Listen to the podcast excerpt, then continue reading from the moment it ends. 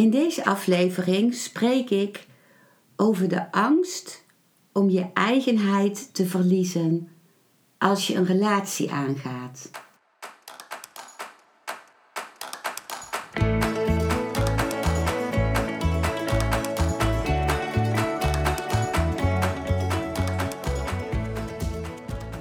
Welkom bij een nieuwe aflevering van Modita's podcast Van Pijn naar Zijn.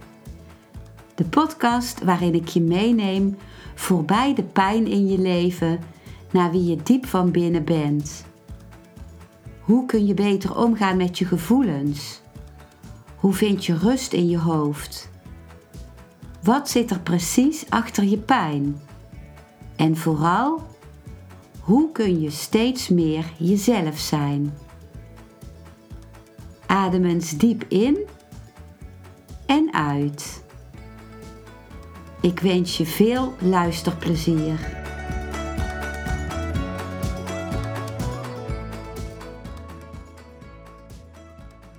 Ik begin met woorden die ik ook heb gesproken in een YouTube-filmpje van mijn YouTube-kanaal Modita van Zummeren met dezelfde titel als deze aflevering. Dus hier komen eerst de woorden van mijn filmpje.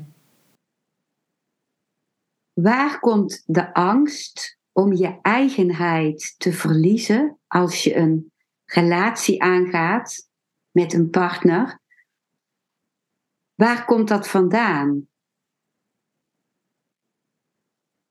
In feite is het een hele diepe angst.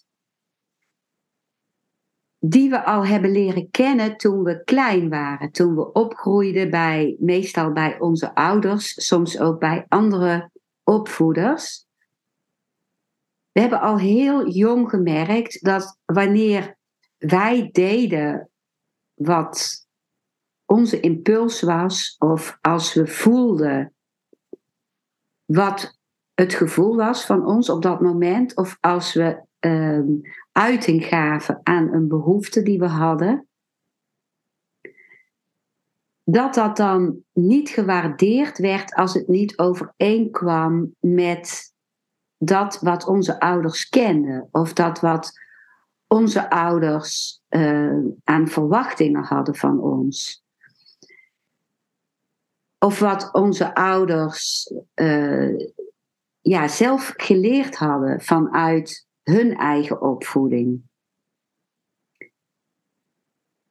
En als kind, als je niet ontmoet wordt in jouw behoefte of jouw emotie of jouw, uh, jouw gevoel of jouw verlangen, dan uh, voelt dat als iets wat heel onzeker is, wat alles op losse schroeven zet, waardoor je niet meer zeker bent van dat wat, je, wat jij voelt en wat je ervaart en of er dat wel mag zijn.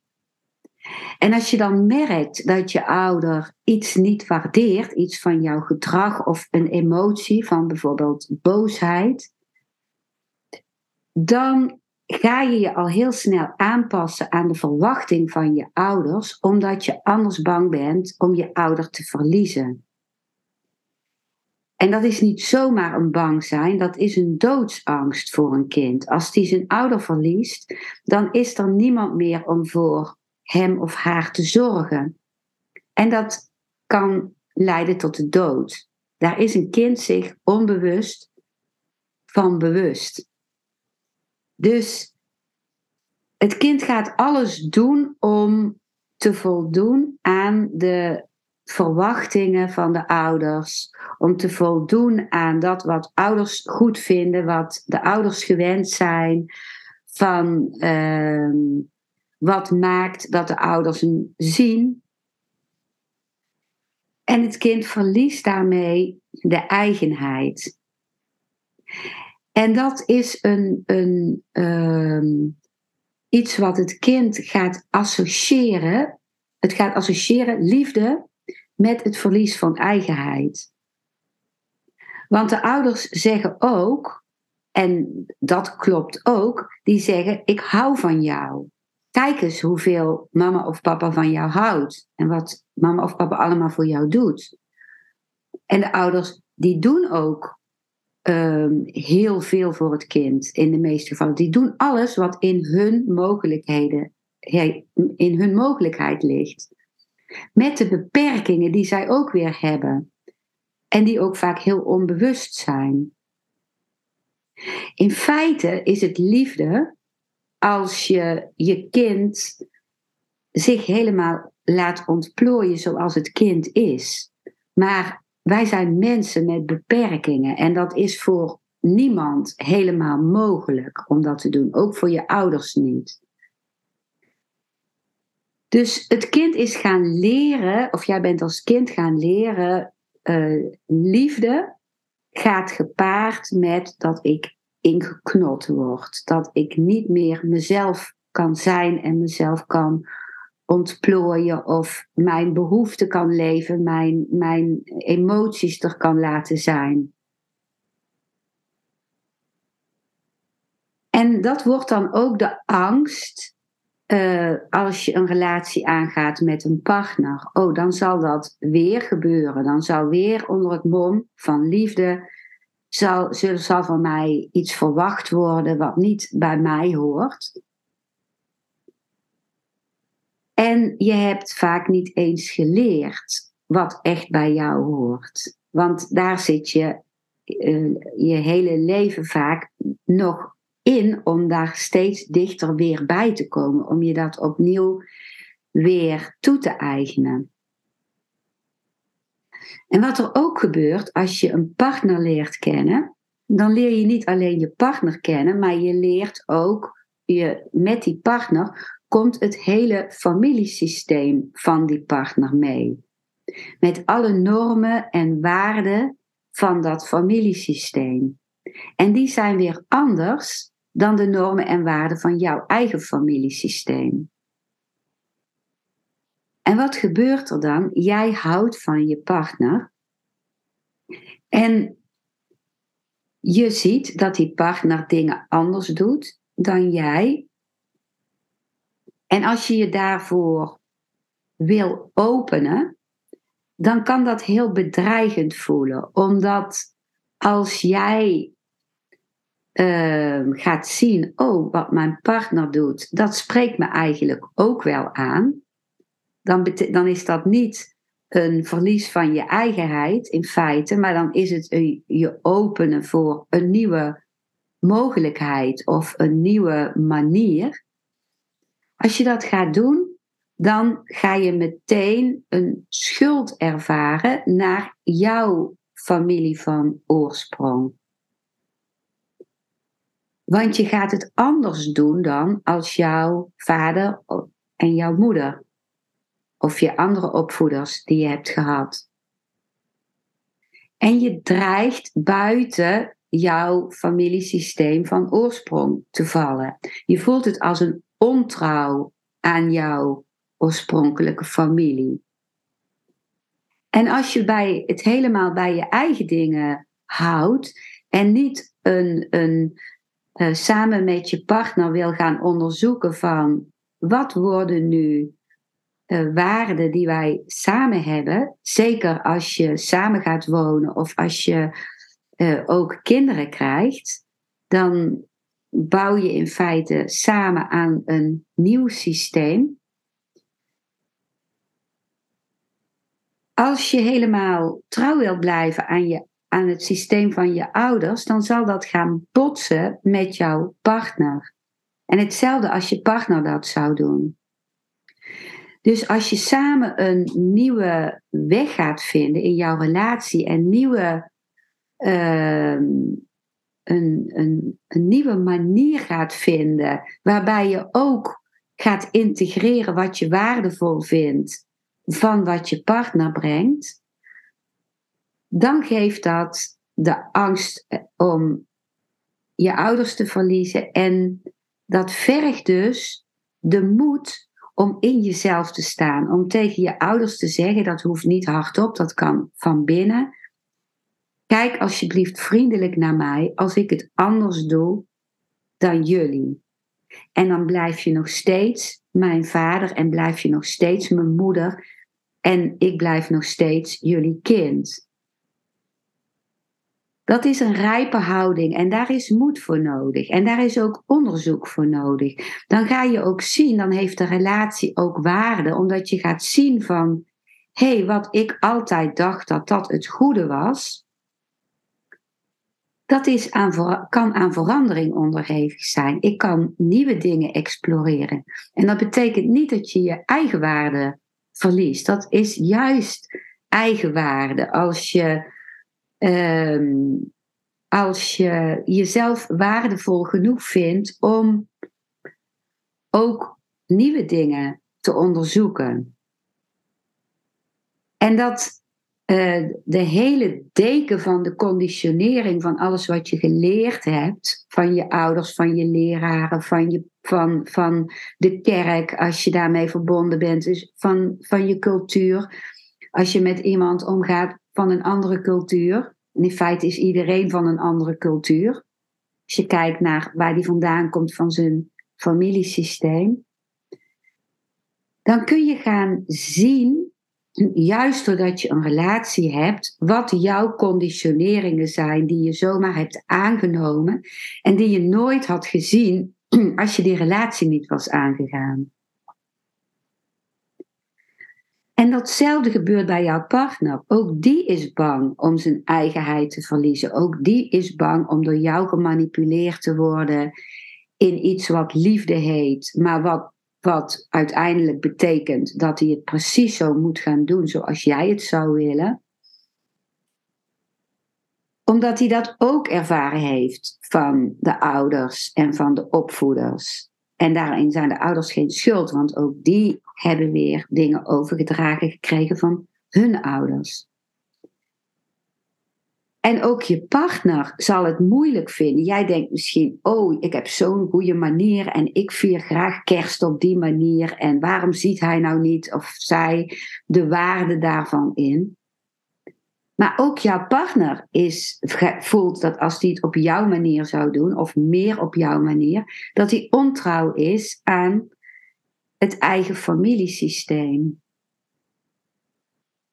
Dus het is een, een ik zeg wel eens, een relatie is, is een werkwoord. Dat is geen statisch iets. Dat is iets wat zich blijft bewegen en wat, als je je bewust bent, wat er verdieping kan geven. Omdat je dingen ziet van jezelf en ontdekt die juist van jou zijn. Dat heeft niks te maken met verlies van eigenwaarde, die juist van jou zijn of bij jou horen. Of die juist bij jou leken te horen, maar in feite fake zijn. In feite een deel zijn van jouw conditionering, van alles wat jou is opgelegd. Dus een relatie geeft uh, bijna altijd ook een, een, wankeling. Een gevoel dat ook na de eerste verliefdheid, waar, waarin je alles prachtig vindt van de ander en in feite kijk je alleen maar door een bril waarin je al jouw verlangens, alles wat je als kind gewild had, enzovoort, enzovoort, helemaal op je partner projecteert. En ook denkt dat dat beeld klopt, dat is in feite de verliefdheid. Maar daarna komt het, het werken, dan komt echt het, het aangeraakt worden van al je pijnpunten, van alles wat, um, wat jou opgelegd is, alles wat je vast wil houden, alles wat je veilig vond en wat nu ineens anders wordt door het contact met die ander. Maar het is ook juist iets wat heel veel waarde kan brengen. Je kunt in denken van ik wil deze beperkingen niet meer, dat iemand mij, confronteert met wat hij van mij wil en dat ik het gevoel heb dat ik een compromis zou moeten sluiten of wat dan ook. Je kunt dan besluiten om te zeggen van oké, ik blijf alleen. En ik zeg niet dat, er, dat het niet waardevol kan zijn om alleen te zijn. Daar zit ook waarde in. Maar je kunt je afsluiten voor elke mogelijkheid voor een relatie. En dan blijf je in de veilige kokon zitten van het zaadje. Van het zaadje wat in feite mogelijkheden heeft, ook mogelijkheden om te exploreren in een relatie. Maar die mogelijkheden blijven in het zaadje zitten, want je houdt die schil van dat zaadje dicht zodat je geen pijn zult ervaren van afwijzing, zodat je niet uh, de, het, lastige zult ervaren van wat wil de partner, wat wil ik, wat zijn de waarden van de partner, wat, wat uh, wil ik daar wel aan tegemoet komen of wil ik daar niet aan tegemoet komen. Daar kun je allemaal buiten blijven als je dat zaadje gesloten houdt. Dat is veilig. En dan blijf je bij wat je kent van jezelf en wat vaak ook niet helemaal van jezelf is, maar ook van alles wat je geleerd hebt zoals je zou had moeten zijn. Maar als, het, als je het zaadje de mogelijkheid geeft om zich te openen, dan kan daar een plantje uit groeien dat kwetsbaar is. Dat alle stormen van bijvoorbeeld de boosheid van de partner of de, de, de pijn van jezelf, de, de, um, de, alle jaargetijden, zeg maar, en alle uh, elementen van de natuur over zich heen krijgt.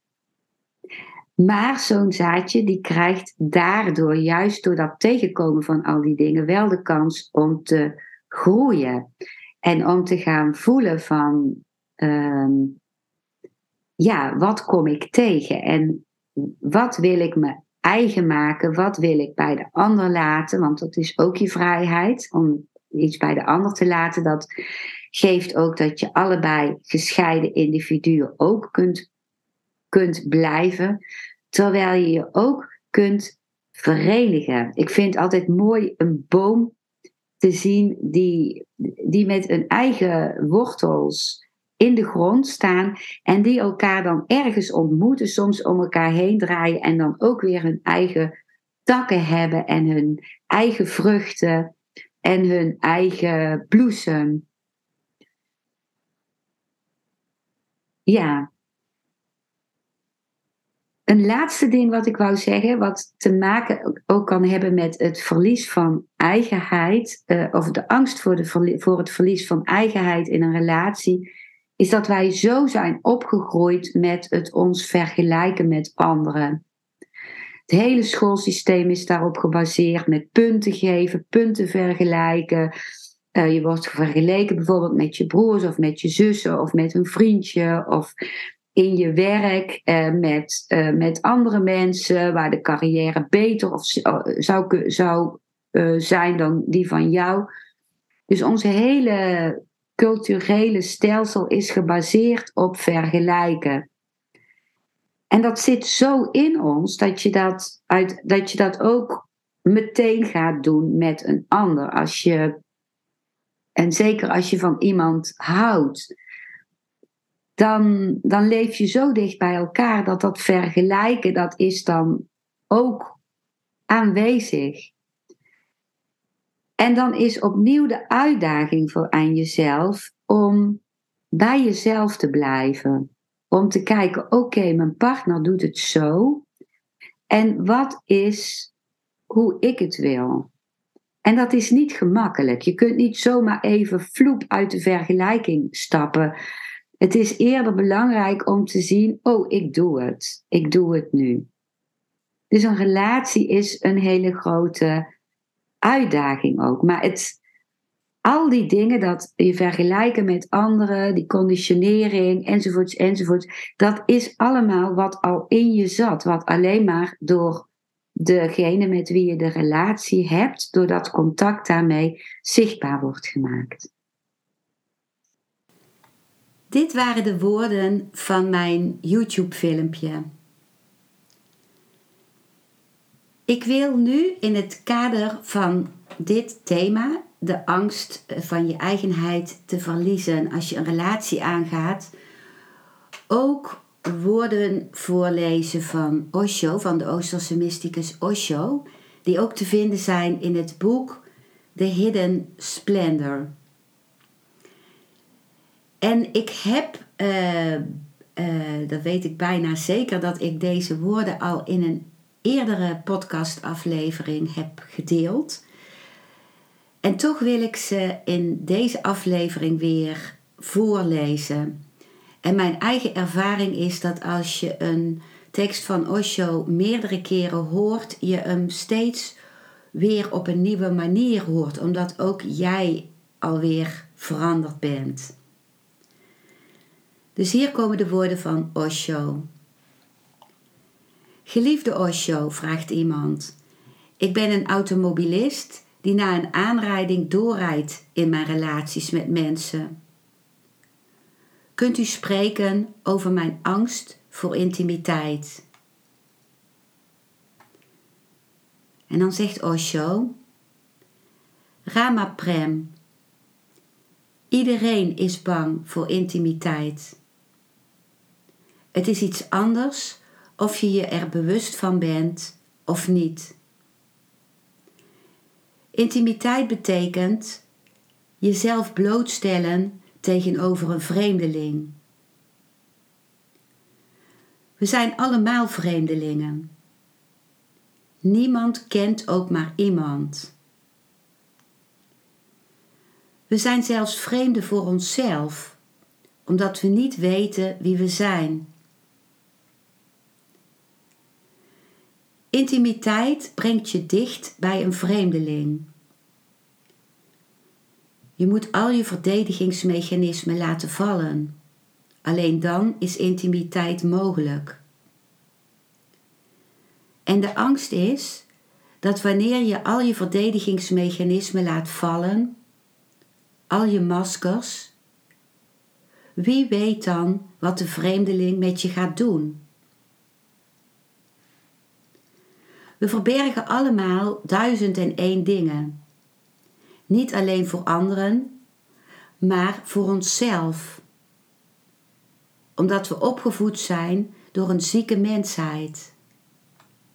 Met allerlei soorten onderdrukkingen, remmingen, taboes. En we hebben angst voor iemand die een vreemdeling is. En het maakt niet uit of je nu 30 of 40 jaar met iemand geleefd hebt. Het vreemd zijn verdwijnt nooit. Het voelt veiliger om een kleine verdediging, een kleine afstand te houden. Want iemand kan profiteren van je zwakte. Iemand kan profiteren van je broosheid en kwetsbaarheid. Iedereen is bang voor intimiteit. Het probleem wordt complex, want iedereen wil ook intimiteit. Iedereen wil intimiteit, want anders ben je alleen in dit universum. Zonder een vriend, zonder een minnaar, zonder iemand die je kunt vertrouwen, zonder iemand voor wie je al je wonden kunt openen.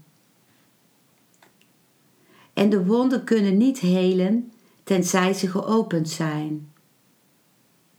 Hoe meer je ze verbergt, hoe gevaarlijker ze worden. Ze kunnen kanker in je worden. Intimiteit is aan de ene kant een essentiële behoefte, dus iedereen verlangt ernaar. Maar hij wil dat de andere persoon intiem is zodat de andere persoon als een verdedigingsmechanisme laat vallen, kwetsbaar wordt, als een wonde naar jou opent, als een maskers en valse persoonlijkheid laat vallen en naakt staat zoals hij is. Aan de andere kant is iedereen bang voor intimiteit. Je wil dat de andere persoon intiem is. Jij laat je verdediging niet vallen. Dit is een van de conflicten tussen vrienden, tussen geliefden. Niemand wil de verdedigingsmechanismen laten vallen. En niemand wil komen in totale naaktheid en eerlijkheid. Open en beide hebben intimiteit nodig. Tenzij je al je verdringing en remmingen laat vallen die je hebt gekregen van je godsdiensten, je culturen, je maatschappijen, je ouders, je opvoeding, zal je nooit intiem zijn met een ander. En jij zult het initiatief moeten nemen. Maar wanneer je geen verdringing en geen remmingen hebt, dan zal je ook geen wonden hebben. Wanneer je een eenvoudig, natuurlijk leven hebt geleid, dan zal er geen angst zijn voor intimiteit, maar een enorme vreugde van twee vlammen die zo dicht bij elkaar komen alsof ze bijna één vlam worden. Deze ontmoeting is enorm aangenaam, bevredigend, vervullend. Maar voordat je intimiteit kunt bereiken, zul je je huis compleet schoon moeten maken. Alleen een mens van meditatie kan intimiteit laten gebeuren. Hij heeft niets te verbergen. Alles waarvan hij bang was dat iemand het te weten zou komen, heeft hij zelf al laten vallen. Hij is slechts een stilte en een liefhebbend hart. Je moet jezelf in zijn totaliteit accepteren. Wanneer je jezelf niet in zijn totaliteit kunt accepteren, hoe kun je dan verwachten dat iemand anders je accepteert?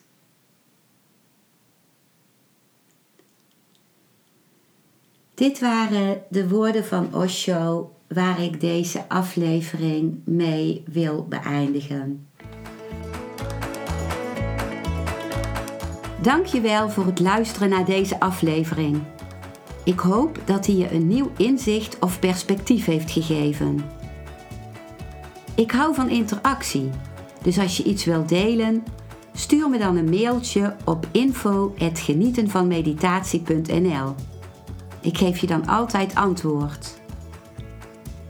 Ik wens jou dat je vreugde in het dagelijks leven zult ervaren en innerlijke rust. En dat je steeds meer je pijn zult kunnen omvormen in zijn. Je kunt de afleveringen van deze podcast volgen via Spotify, Google Podcast, Apple Podcast en Podbean door op de volg- of abonneerknop te klikken. Als je luistert via de Apple Podcast, dat kan alleen als je een iPhone hebt, heb je een extra voordeel.